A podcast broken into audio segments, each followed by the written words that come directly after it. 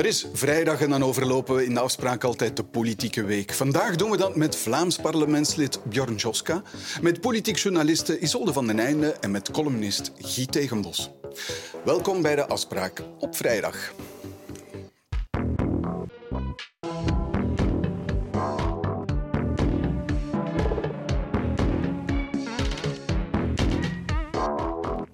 Goedenavond, meneer Joska. Goedenavond. Uh, u stopt als uh, parlementslid. Waarom eigenlijk?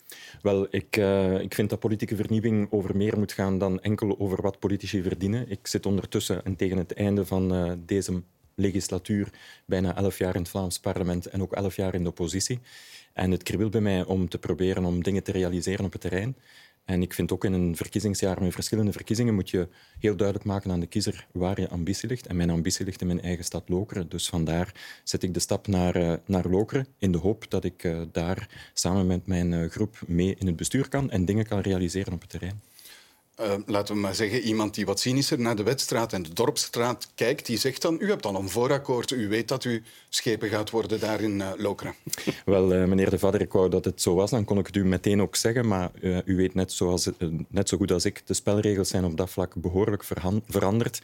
Ik heb ja. absoluut geen vangnet en dus ik ga mijn volle ambitie en goesting naar Lokeren. Lukt het zoveel te beter. Lukt het niet, dan ga ik doen wat veel mensen vandaag moeten doen af en toe. Dat is op zoek naar een nieuwe job. Ik maak daar echt geen probleem van. Geen vangnet, maar misschien wel goede vrienden bij andere partijen die maken dat dat akkoord wel mogelijk is. Zal ik het zo formuleren? U stelt nu de vraag op een andere manier of ik een voorakkoord heb. Ik heb geen voorakkoord en ik zeg het nog eens met een nieuwe spelregels op vlak van uh, uh, lokale besturen ja, en voor bestuursvorming. er geen voorakkoord meer afgesloten moeten eigenlijk? Uh, nee, het is de grootste lijst die zal bepalen wie de burgemeester levert. Dus ook die vraag moet u mij niet stellen. Dus dat zal aan de kiezer in Lokeren zijn. Ik leg met veel plezier mijn lot in handen van de kiezer in Lokeren en ik zal me daar ook bij neerleggen, in de ene of in de andere richting. Goed, dat is duidelijk. Isolde van den Einde, goedenavond. Goedenavond. Na de, de rave in, in Sint-Truiden, waar toch heel veel reactie op gekomen is, uh, had u een opvallende mening in een, in een column. U zei niet alleen een strenge overheid is een goede overheid. Mag ik daaruit concluderen dat u eigenlijk zei van dit is goed aangepakt door de overheid? Bon, als je het eindresultaat ziet, dan denk je dat het goed aangepakt is. Wat ik daarmee bedoelde is, mijn allereerste instinctieve reactie was ook van ja, uh, hoeveel politieagenten zijn er uh, actief? Uh, de federale reserve telt maar 280 agenten. Er was nog tegelijk een belangrijke voetbalmatch. Oké, hoe organiseer je dat? Maar dan begin je te horen op het terrein. Heb ik gesproken met verschillende politieagenten ook, die mij zeiden van ja, dit is echt gewoon niet mogelijk in, op dat gebied om iedereen daar weg te jagen, om het zo te zeggen. Bovendien gaat het om zeer gedrogeerde mensen. Um, de buurtbewoners hadden er veel last van en dat, dat kan je volledig begrijpen. Maar ja, als die uiteenstuiven in een auto duiken en dan op de weg gaan, ja, dan heb ik als, zou ik ook als buurtbewoner, ik woon er niet in de buurt, maar ik zou als buurtbewoner dan ook verkiezen dat ze die roes in het bos uh, uitslapen. En ja, je zat dan eigenlijk met een hele grote frictie die ik heel hard uh, begreep in de perceptie van hoezo, dit kunnen we niet aan, de macht van het getal overheerst dan. Je moet maar met duizenden zijn en de politie kan het niet aan. Nu ja, op dat moment, als je met een beperkt aantal middelen en manschappen zit, dan denk ik dat ze het op een uh, subtiele manier hebben aangepakt door in burger te gaan op het terrein, door met de organisatoren af, afspraken te maken. En dat is al bij al uiteindelijk uh, goed afgelopen. Ja, maar wel um, iemand als Waldemir, Vlaams minister uh, van Justitie, die dan zegt, trek gewoon de prijs uit. zo simpel is het. Maar ja, er, ze sprak eigenlijk ook een beetje tegen haar eigen provinciegouverneur in Limburg, die ook lid van de NVA is. Um, die zei meteen van, ja, ze hebben eigen stoom generatoren mee. Ik stel mij dan eerder de vraag, ja, hoe kan het dat daar vrachtwagens met materiaal en podia zomaar konden binnenrijden? Er zijn heel wat dingen fout gelopen. Op voorhand is mijn mening. Maar achteraf gezien denk ik dat, dat de, de ordendiensten het op een subtielere, een minder misschien visibele manier voor ja, de gefrustreerde burger daarover, uh, maar toch op een uiteindelijk goede manier ja. hebben aangepakt. Mevrouw Verlinde, minister van Binnenlandse ja. Zaken, die het hoofd is van de politie, als je het zo wilt zeggen, in, in de ketting, uh, ja, die ging de zondagmiddag naar de voetbalwedstrijd, de bekerfinale, uh, kijken. Ze kreeg daar veel kritiek. Uh, hoe denkt u dat? Ja, in, in, de, in de operationele handhaving denk ik dat zij, als zij ter plaatse was geweest, dat zij op dat moment een beetje in de weg had gelopen. Um, ze heeft het dus ook ze mocht naar, de, naar het voetbal gaan?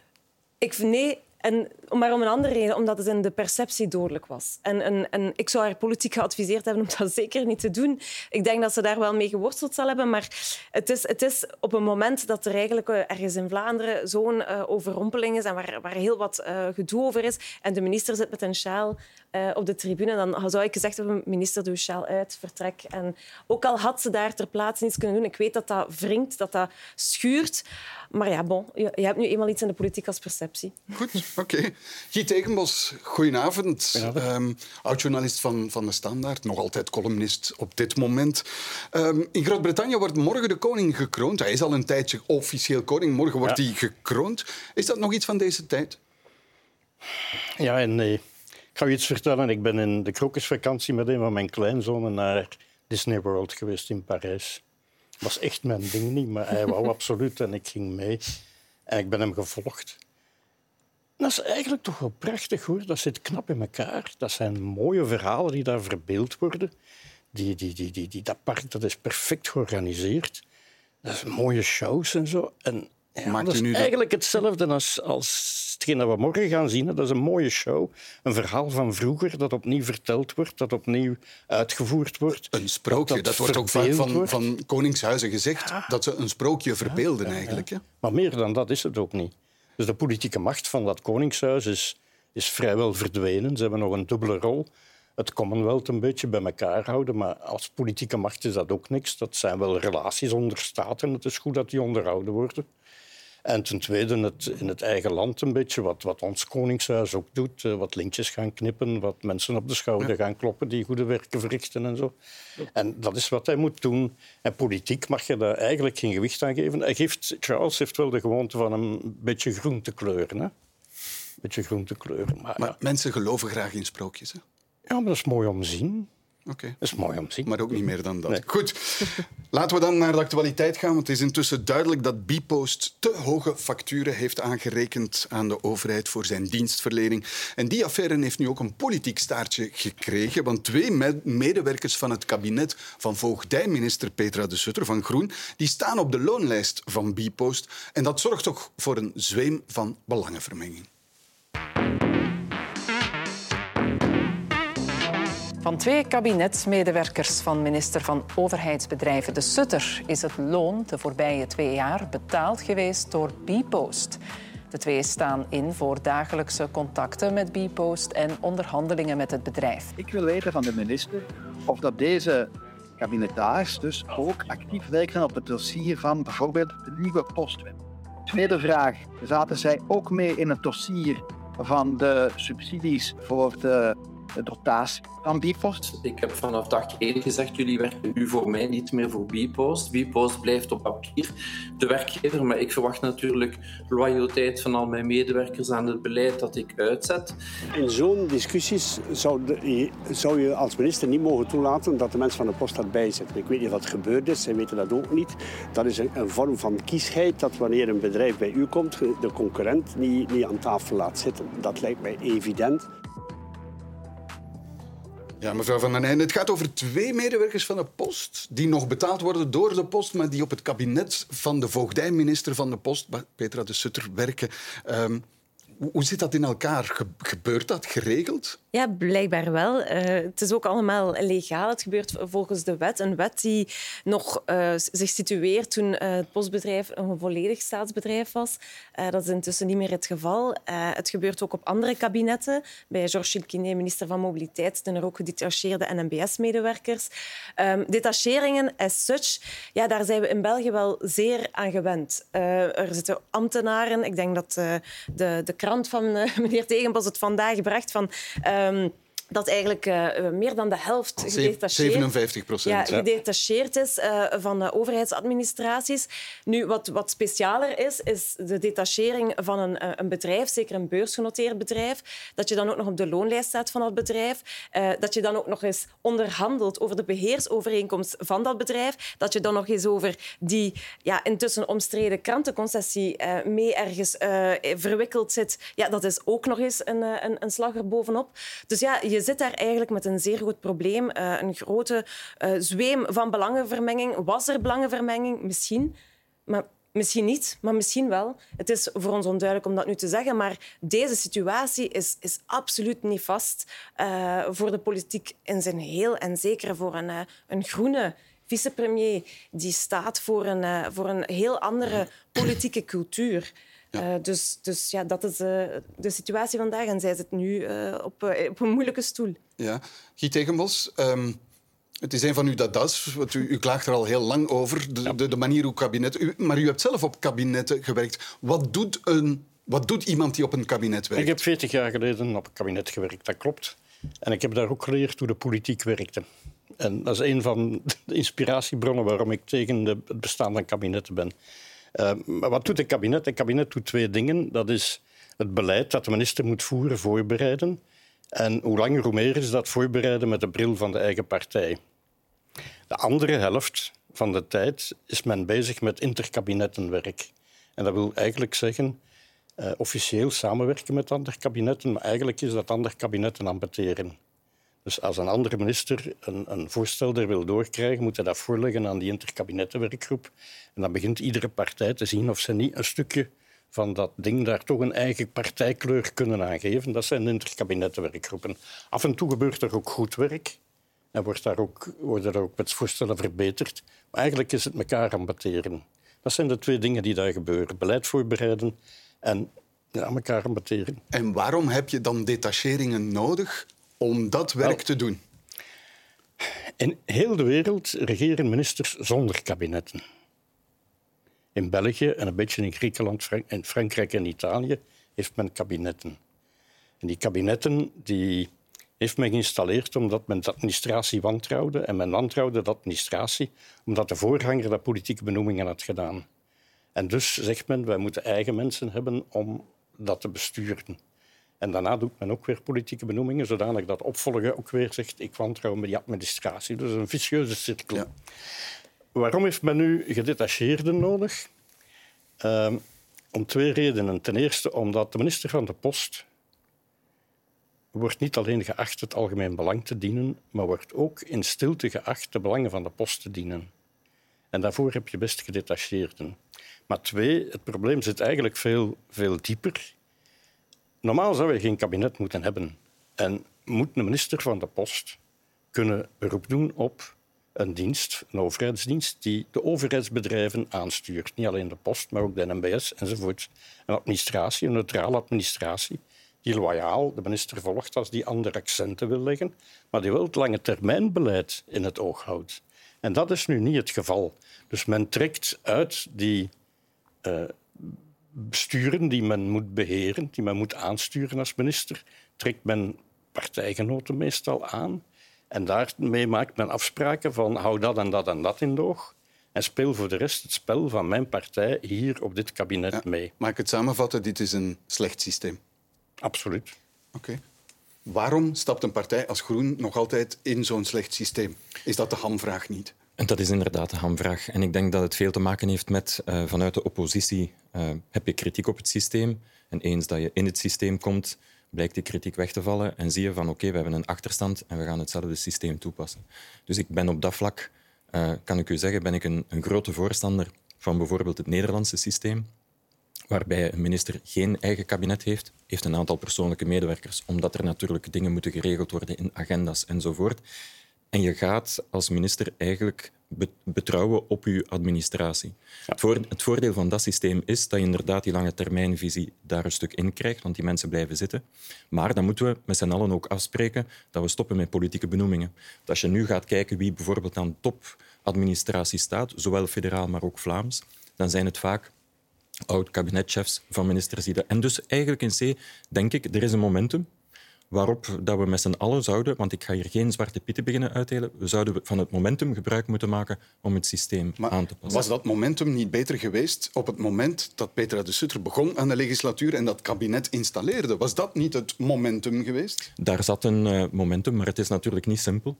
Om, om, in, een systeem, om in, een, in, in een systeem binnen te komen waar iedereen en waar een deel van de partijen die daar al zitten en de ministers die daar al zitten, eigenlijk gewoon het systeem verder zetten wat ze al sinds, sinds jaren Ja, kennen. u heeft het eigenlijk bijna benoemd. Hè. Het is politieke onervarenheid. Eh, mocht er meer ervaring Dus geen- geweest zijn, dus dan, dan had er misschien eerder een alarmbel afgegaan.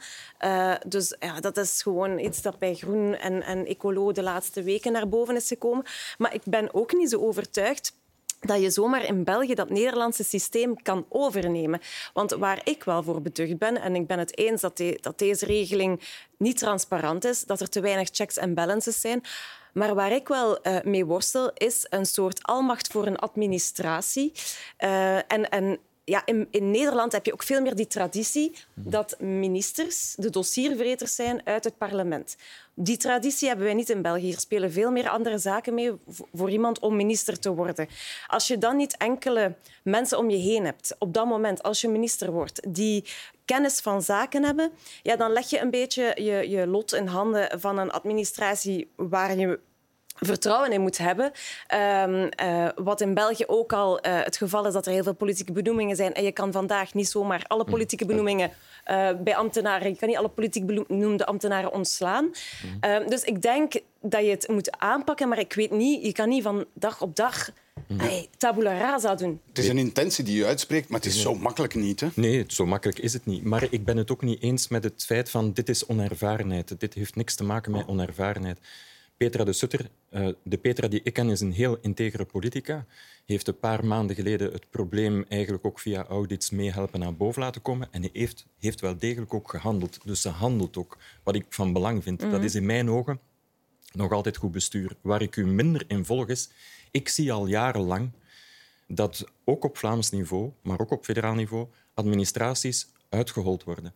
Het aantal consultancy-opdrachten dat vanuit kabinetten wordt buiten de administratie gezet, structuren die men opzet buiten de eigen administratie, maakt dat je de afgelopen jaren heel wat kennis hebt zien vertrekken uit administraties. voel ik. en je organiseert het buiten je eigen administratie. Ik ben het eens dat het niet van vandaag op morgen kan, maar ik ben, het, ben er wel van overtuigd, als je dit fundamenteel wil aanpakken, dan ga je naar een ander systeem moeten gaan met veel slankere en in mijn ogen heel kleine kabinetten. Me- Meneer Tegenbos, want de, de, de minister handelt. Ze worden nu door het kabinet zelf betaald. Probleem opgelost? Nee, nee absoluut niet.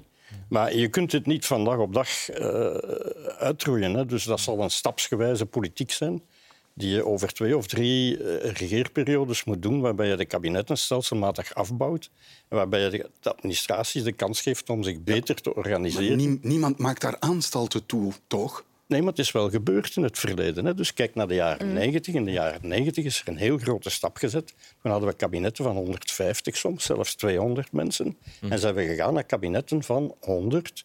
Nu 60, 50, 40, 80. Wop, wop, wop. zijn al eh, behoorlijk opgeschoten.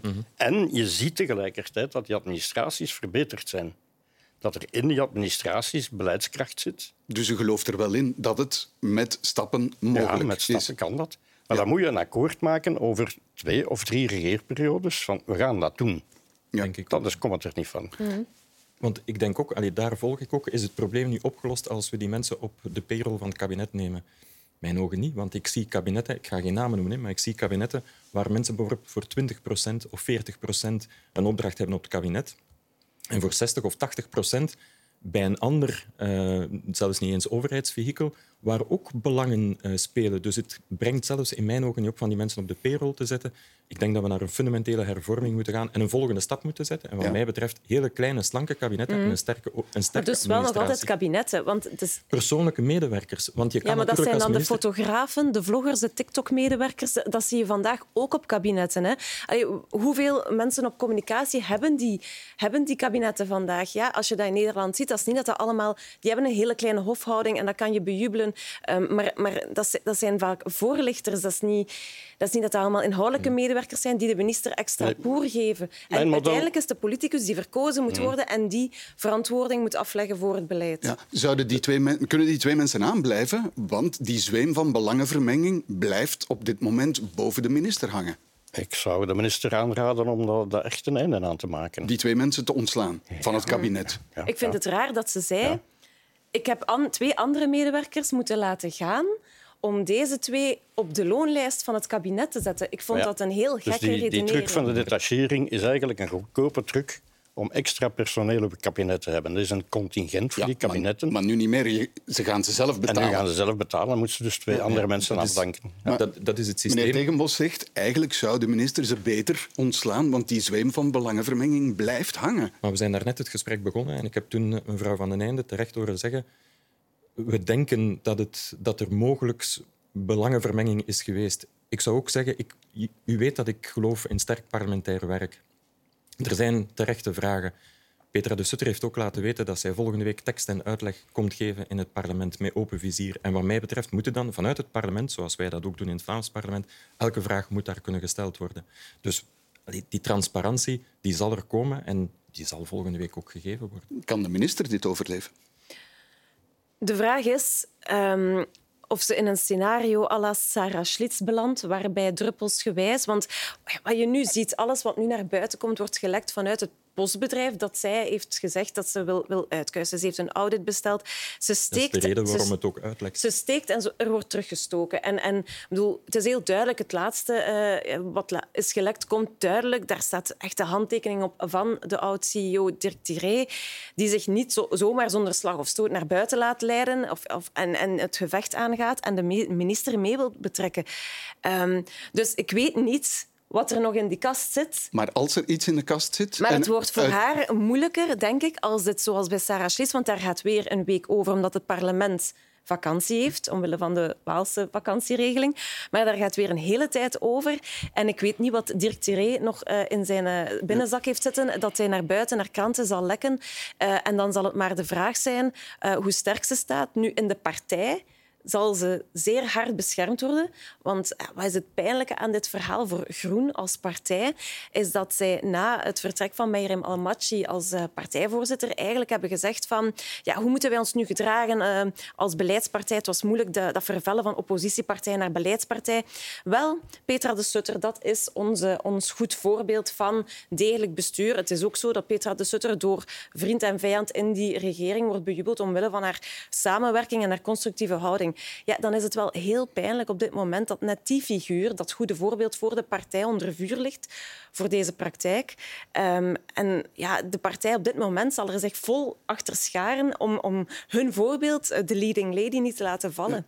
Zijn we te streng voor Groen? Zijn we strenger voor Groen dan voor andere partijen? Voor Groenen, als je Sarah Schlitz erbij neemt als... eh, Eh, ik denk dat we het recht hebben om iets strenger te zijn voor de groene partijen, Waarom? die, die iets zuiverder theorieën prediken dan de anderen. En dan moeten ze maar consequent zijn. Maar de waarheid is... Ik, heb in mijn loopbaan lange tijd gehoopt van eh, een dialoog met politici tot, tot zekere afspraken, tot regels, tot richtlijnen te komen van wanneer treed je af en wanneer niet. hè. Dus je hebt het heel mooie voorbeeld van, van Lanotten en, en de Klerk die aftraden na het ontsnappen van Dutroux. Waarom deden ze dat? Niet omdat ze fouten hadden begaan, maar omdat zij de schuld op zich wilden laden. de politieke En- verantwoordelijkheid. Ja, de politieke verantwoordelijkheid en weggaan en dan meteen mee de, de schuld die op de instellingen lag wegnemen. Vindt u dat dat hier ook moet gebeuren? Nee, want het probleem ligt helemaal anders. De, de fout zit in het systeem. De fout zit in het systeem.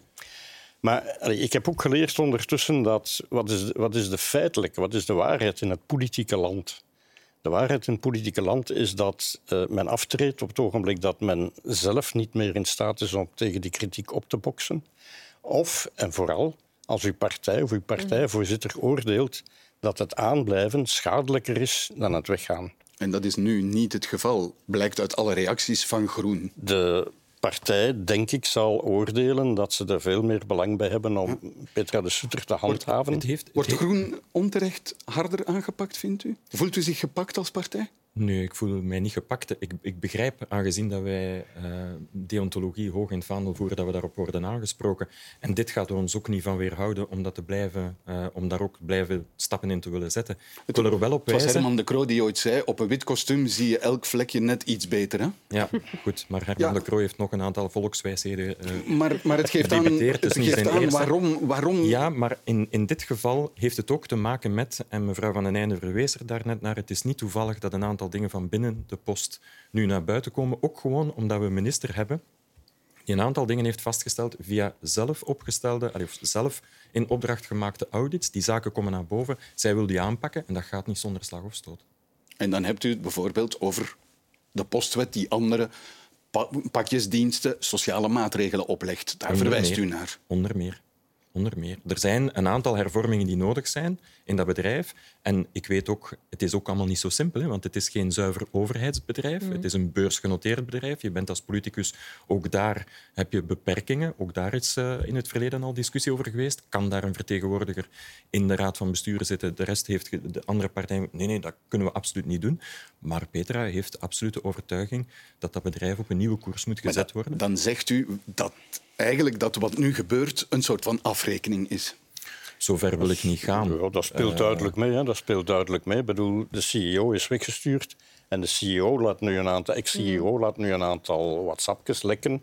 Uh, er zijn nog uh, krachten aanwezig. De oppositie, N-VA, die speelt daar duidelijk op in en, en wil duidelijk het ontslag en probeert dat ook zo erg mogelijk te maken. En binnen de post is het ook allemaal niet koekenij. En binnen de federale regering is het ook niet allemaal nee, koekenij. Want dat hoor je nu dus... in het begin had je de premier die ook zei van nee. En uh, uiteraard was het eerst stil, omdat ze inderdaad een, een, een regel heeft gebruikt die uh, in zwang was uh, voor, voor, uh, voor haar voorgangers ook. Alexander de Croo. Ja, en Alexander de Croo heeft dat ook gebruikt. Hè? Voilà, dus uh, ja, hij schaarde zich in, in, een eerste reactie absoluut achter haar.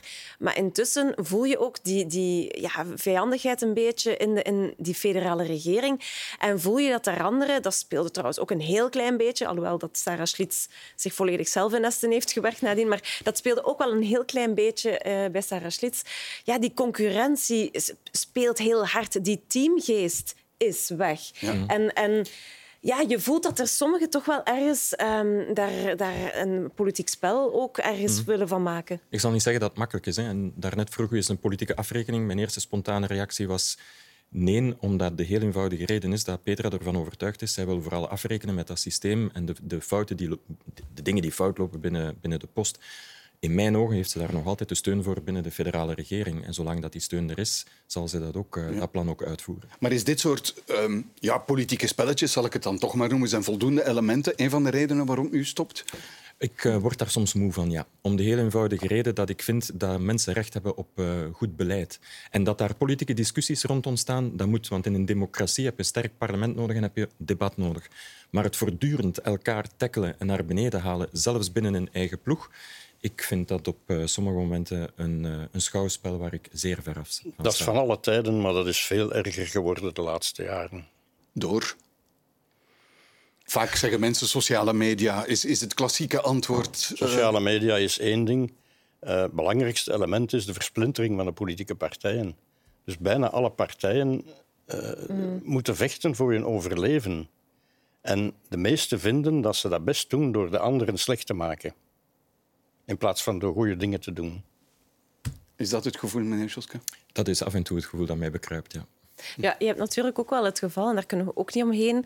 Uh, Groen wil is een beetje de vreemde eend in de bijt, wil op een andere manier aan politiek doen. Dat zegt ze ook niet alleen over politieke vernieuwing, maar ook als het gaat over het debat. Um, en ik vind toch dat de partij Groen toch te vaak schrik heeft van een, een politieke strijd, van een politiek debat. Um, zonder dat je dat ook uh, allee, dat dan als een politiek spel moet bestempelen. Maar uh, ja, ik vind ze, ze durven ook niet altijd voluit gaan in hun standpunten. Um, het is soms uh, een beetje terughoudend dat er dan wordt gecommuniceerd. het is, met eigenlijk, groen kruipt te snel in de slachtofferrol. Ja, ik vind dat soms een beetje, eerlijk gezegd. Um, omdat, omdat groen uh, een beetje aan de zijlijn staat, zoals een uh, parlementair ooit zei, maar, maar ook aan de zijlijn van ha, wij willen niet aan dit vuile spelletje meedoen. Maar dat, ja, politiek is niet altijd zo proper, maar het is mm. wel een strijd. En soms ja, komt dat met kwetsuren. Ik moet eerlijk zeggen, ik voel me niet echt aangesproken. Kwetsuren heb ik niet. En ik ga nooit een debat uit de weg. ik zit hier, ook in het mhm. parlement uh, ben ik nooit een debat uit de weg gegaan. En de, mijn collega Christophe uh, Calvo, waar dat je naar verwees, die zei fuck de zijlijn. En dat is ook mijn lijn. Uh, dus ik zou veel liever beleid en beleidspartij zijn die echt... Allee, dingen die moeten veranderen. Mhm. Iedereen is er toch over eens dat we rond klimaatstappen vooruit moeten zetten. Dat lijkt mij veel belangrijker dan af en toe het, ik noem het gekrakeel. Mm. Maar, ja. de moeilijkheid is dat jullie na een periode van beleidsverantwoordelijkheid vaak niet winnen. Hè? Tegendeel. We zijn daar geen, uh, geen uitzondering in. Er zijn, er zijn ook andere partijen die verliezen na een uh, beleidsdeelname. En oké, okay, je bent altijd kwetsbaar op het moment dat je verantwoordelijkheid neemt, maar ik zie 2024, laat daarover geen misverstand bestaan, echt wel met vertrouwen tegemoet. Het zal een uphill battle worden. En ik zeg niet dat we op dit moment in de meest, uh, moet ik het zeggen, makkelijke periode zitten, maar ook die overleven. Maar net daarom vind ik het ook frappant, want u bent niet de enige uh, die stopt. Hè. Het was de hele week dat er meerdere mensen aankondigden van bij Groen van... Barbara Kremers. Barbara Kremers, Limburgs Kamerlid. Brussels parlementslid uh, Juan Ben Dus, dus mhm. Ja, je hebt een aantal mensen, uh, en dat zijn niet alleen mensen zoals u, die zeggen van ik vind het uh, de tijd rijp om naar x aantal legislaturen uh, de wissel voor de toekomst voor te bereiden en mij nu is lokaal voor te bereiden. Het zijn ook mensen die nieuw in het parlement zijn gekomen, die stoppen.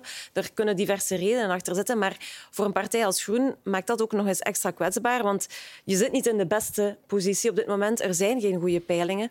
Ehm, de thema's van groen ja, leven uiteraard wel, maar zijn ook niet, staan niet op de, op de front of zo, om, het zo te zeggen. En dan ga je niet met al je sterkste pionnen naar, eh, naar, naar, naar, naar die verkiezingen. Um, we, zijn, we zijn wel niet... Allee, ik ben ook niet weg uh, bij Groen. Ook Barbara Kremers is niet weg. Juan is niet weg. Barbara is echt een... Allee, als je Barbara de laatste jaren gevolgd heeft, zij sukkelt met Juan haar gezondheid. stopt met politiek, hè? Ja. ja. En bij Juan uh, moet ik eerlijk zeggen, snap ik het iets minder, de uitleg. Uh, hij wil meer impact, ja, die wil ik ook, maar hij is actief in Brussel. Ik denk dat we nergens anders uh, in Vlaanderen, misschien buiten Gent, meer impact hebben dan in Brussel, met onze minister, maar ook met heel veel schepenen die hier dagdagelijks maar Brussel in een andere plooi leggen. Is, is, het gevoel niet van if you can't stand the heat, stay out of the kitchen, en dat dat bij jullie net zo moeilijk is, die heat gaan, gaan opzoeken? Nee, dat moet ik eerlijk zeggen. Allee, daar voel ik ja, ook niet In andere partijen zijn er ook mensen die weggaan om gezondheidsredenen om, om ja, dat, dat is bij de Open Velden. Goed. Ik, ga, echt met vol engagement naar Lokeren. Ik ga niet uit de keuken, ik ga naar een andere keuken. ja. We zullen zien of die ook lekkere gerechten maakt. Goed, de president van Oekraïne.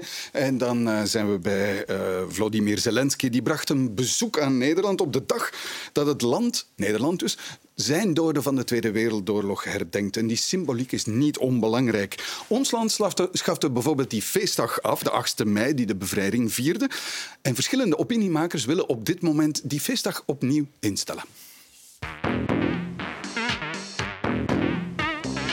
Op 4 mei herdenken de Nederlanders hun slachtoffers van de Tweede Wereldoorlog. En voor die gelegenheid vloog een oude Lancaster bommenwerper van Groot-Brittannië naar Nederland. Vladimir, as you know, your visit to the Netherlands couldn't have come at a more symbolic moment. Every year, on the 4th of May, we remember the Dutch victims of the Second World War and all the soldiers who have given their lives since then for peace and freedom worldwide.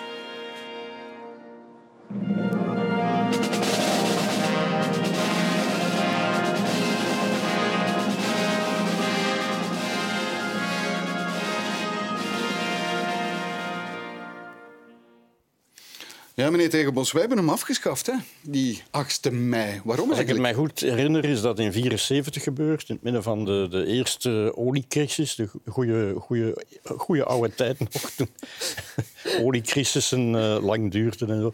Nee, alle gekheid op een stokje hebben we afgeschaft in 1974 om uh, een half procent BNP extra te, te winnen door die dag ook te produceren. Dat was eigenlijk het argument. Ik herinner me later dat we in het onderwijs ook van dat soort dingen hebben afgeschaft. Uh, omdat we niet eens aan 180 schooldagen kwamen. Dus het aantal vakantiedagen en brugdagen nam toe. En dan is bijvoorbeeld het feest van de dynastie in 15 november afgeschaft. En ik denk dat 8 mei ook gehandhaafd is in het onderwijs tot begin van de jaren 80. Ja. Vindt u het een goed idee om het opnieuw in te stellen?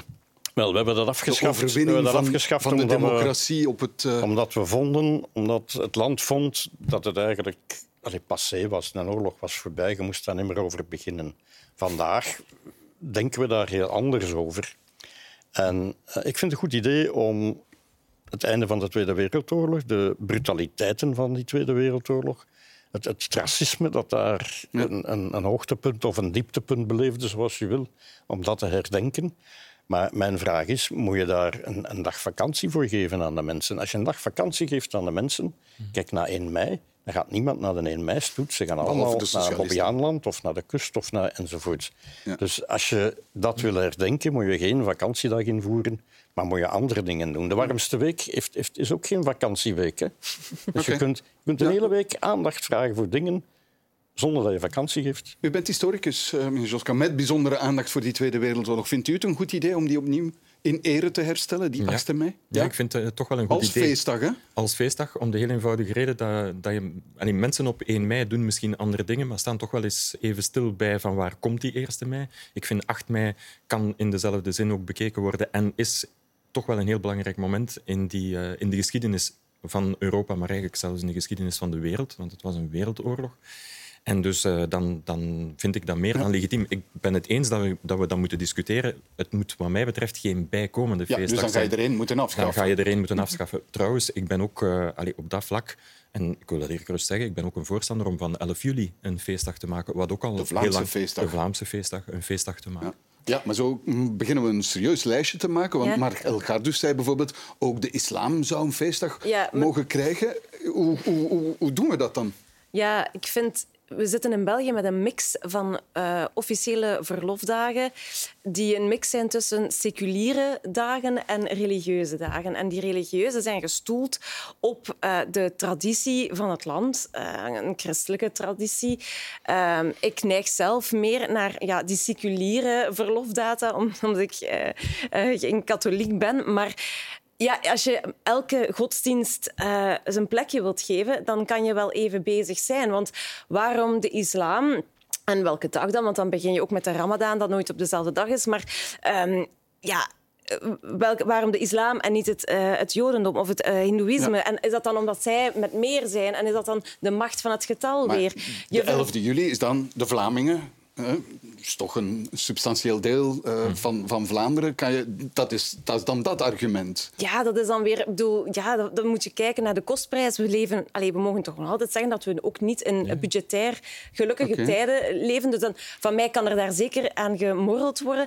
Maar uh, het, is, het is de vraag van wat neem je weg? En moet je veel meer religieuze verlofdagen invoeren? Ja, je hebt landen waar ja, zoals de Verenigde Staten, waar geen enkele verlofdag religieus is. Okay. Enkel seculier. En dus de 8e mei, vindt u dat een goed idee? Ik vind dat dat een legitieme vraag is. Uh, en dat mag herbekeken worden. Wat mij wel stoort, um, of wat mij, mij, mij een beetje ambeteert, is um, dat daar uh, vanuit die 8 mei-coalitie een, uh, een politieke agenda van vandaag aangegeven is. Um, als ik die site vandaag las, dan las ik daarop van oké, okay, we moeten dit doen, want extreem rechts komt terug. Hè. Het is eerst op de slof dan op de botten. Als je de visietekst leest, dan zie je van eh, worden slogans van politieke partijen die vandaag in ons parlement zitten aangehaald. Eigen volk eerst moeten we bestrijden, et cetera.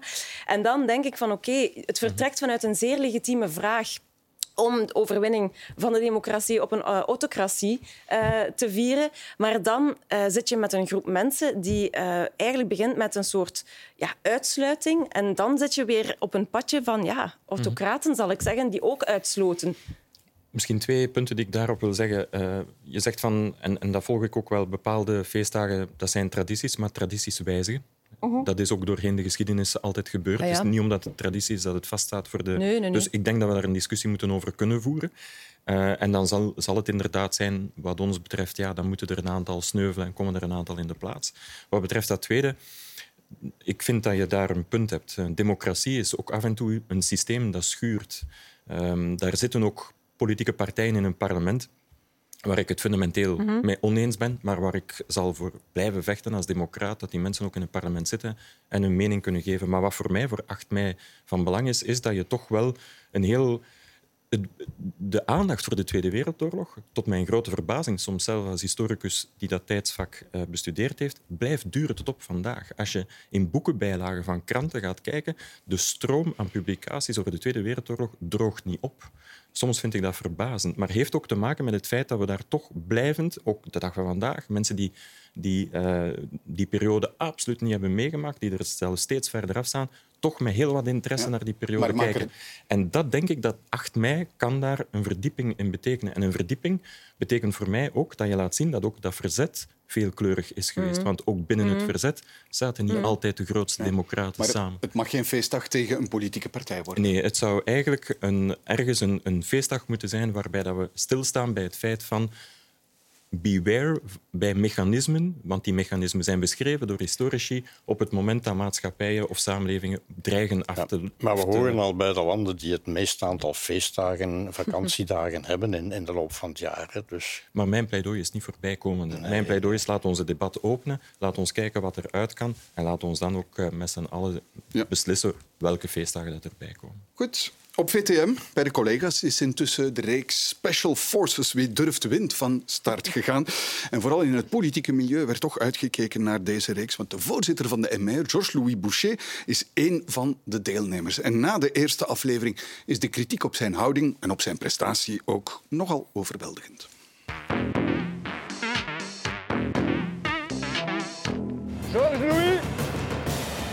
Pense que j'ai une bonne endurance, bonne résistance à la fatigue, un bon mental, et donc il ne faut pas décevoir sur cet élément-là, mais avant tout me décevoir. Georges-Louis Boucher in het nieuwe VTM-programma Special Forces Wie durft wint. Bekende mensen krijgen er een deel van de loodzware opleiding van de Special Forces van het leger. Vooral bekende Vlamingen en één bekende Waal. Kom maar, Georges? Kom maar, Georges? Kom maar, Georges. Hey, Georges, kom maar, jongen. Hey. Oui, oui. Maar we zijn ons kapot ontzweten. En het is vooral Boucher die opvalt in de eerste aflevering. Bij de fysieke proeven heeft hij het zeer moeilijk en helpt hij de groep amper. Oei, pak de eens even over. Ja, ik doe. En dat leidt tot frustratie bij zijn medekandidaten, maar ook bij de instructeurs. Op dit moment draagt hij niks bij naar de groep. Je zet de gewicht. Dat je al niks kunt betekenen voor een team, dat is één. Maar dat je het team tegenwerkt, ja, dat is not done. Ja, Isolde van den Einde gekeken? Ja. Wat vond u van Georges-Louis Boucher? Ja, uh, wat hij in het begin... Hij heeft zichzelf duidelijk niet goed ingeschat. Want uh, in het begin zei hij... Ja, ik denk dat ik een goede fysiek heb. Ik denk dat ik uh, ja, een goede mentaliteit heb. ja, de eerste aflevering... we moeten afwachten tot de tweede aflevering, zegt hij zelf in zijn verweer. Um, ja, toont eigenlijk aan dat hij toch inderdaad qua fysiek en mentaal de zwakste schakel van die groep is. Um, en, en ja, er is wel heel veel uh, kritiek van in die groep op hem, die echt redelijk uh, snijdend is, vond ik. Uh, iemand als uh, Laura Tesoro, die zegt van... ja goed, wij kunnen hier echt niet elke keer gestraft worden omdat hij gewoon geen zin heeft en al heeft opgegeven. dat gaat niet. Ook Dirk van Tichelt ergert zich heel hard. Dus de kritiek op hem, ook vanuit de groep, is wel redelijk scherp. Hij krijgt een herkansing in de, de tweede aflevering, dus we zullen zien hoe dat afloopt. Ja. Maar vanuit de wedstrijd wordt daar natuurlijk een beetje... Ja, want de idee is politici winnen door zich net als de andere BV's, hieraan uh, mee te doen. En goed, je krijgt daar een zeker karakter door. Mensen leren je beter kennen. Ja. Dat is dus eigenlijk het opzet. Hè. Als je deelneemt aan dergelijke programma's, wil je een andere kant van jezelf tonen. Waar een beetje mee gespot wordt, is dat Georges-Louis Boucher eigenlijk in dit programma exact de kant heeft getoond die veel mensen al, al kenden. Kennen. Uh, als politicus. Um, het, is ook, uh, het ontbloot ook een beetje, vind ik, dat uh, zijn, zijn hele houding in de politiek dat dat ehm, geen, geen, geen spelletje is, dat dat geen strategie is. Dat is dus duidelijk wie hij is, hoe hij in elkaar zit. Want ook in dat spelprogramma, in een totaal andere context dan de politiek, komt hij op eenzelfde manier naar voren. Althans, en ik, ik hou slag om de arm in die eerste aflevering. Um, dus ja, ik weet niet of hem dat zal helpen, want ja... Ten eerste is dat ook een, een Vlaams programma. Uh, in Franstalig België wordt er een beetje minder over gesproken, heb ik de indruk. Er wordt zo wat mee gespot op sociale media met die memes van hey, je bent doodgewicht voor de groep. Daar wordt, dat wordt vertaald, daar wordt wat mee gespot. Maar bon, zijn eigen Franstalige achterban die op hem kan stemmen, ja, zal daar niet, uh, zal daar niet uh, iets anders zien. Ja. Uh, dus dat, dat is minder erg. in Vlaanderen, waar hij toch een kweest onderneemt om ja, um, te worden gezien als toch een, een, een aanvaard politicus met ideeën die hier wel bon ton zijn. Um, en, en op die manier ook een, een kans wil grijpen naar het premierschap. Want hij zegt het ook in die aflevering. Hè, van, ja, als ik na dit geen premier kan worden, dan weet ik het ook niet meer. Ja, dat, is, dat kan misschien overkomen als een grapje, als een slip of the tongue, maar ik denk wel dat hij ergens zo redeneert. Ja. Hij heeft zich compleet misrekend. Hè? Ja.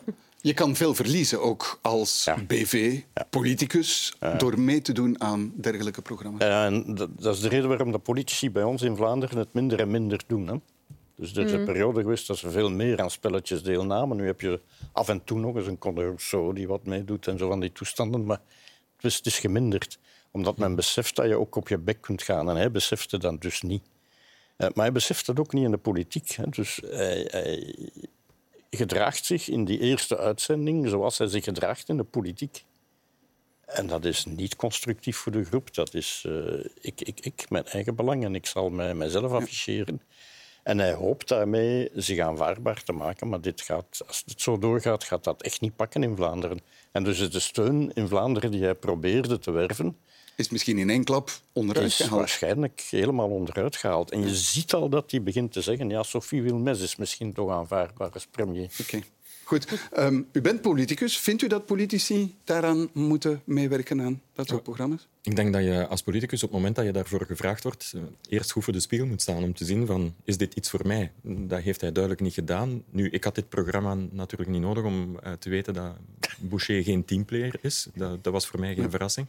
Maar ik eh, vind wel dat politici uiterst voorzichtig moeten zijn op het moment dat ze daaraan meedoen. Ja, Conor Rousseau in de Masked Singer bijvoorbeeld. Dus wel een geslaagd voorbeeld dan. Ja? Die heeft, eh, die heeft duidelijk eh, de afweging gemaakt van eh, dit kan ik misschien en heeft dat eigenlijk ook met verve gedaan. Dus, eh, maar goed, het had even goed anders kunnen aflopen. Maar elke politicus die gevraagd wordt, moet heel goed eh, denk ik, rekenschap geven van aan welk programma We neem hebben, ik deel. we hebben destijds in 2009 na de deelname van Bart Wever aan de slimste mens gepeild. En 10% van de mensen in 2009 bij verkiezingen die op de NVA stemden, 10% zei dat ze dat gedaan hadden omwille van de prestatie in de slimste mens.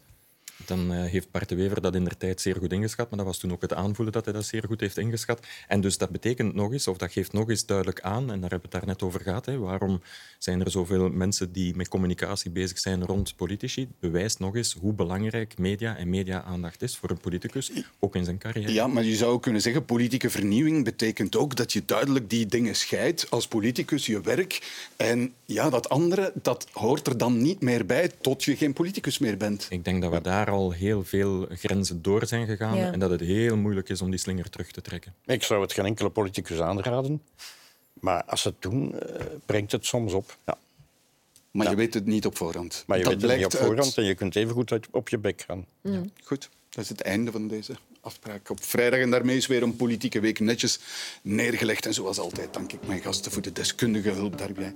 Bjorn Joska, Isolde van den Einde en Guy Tegenbos. En uw beste kijkers, dank dat u er opnieuw bij was. En tot volgende week.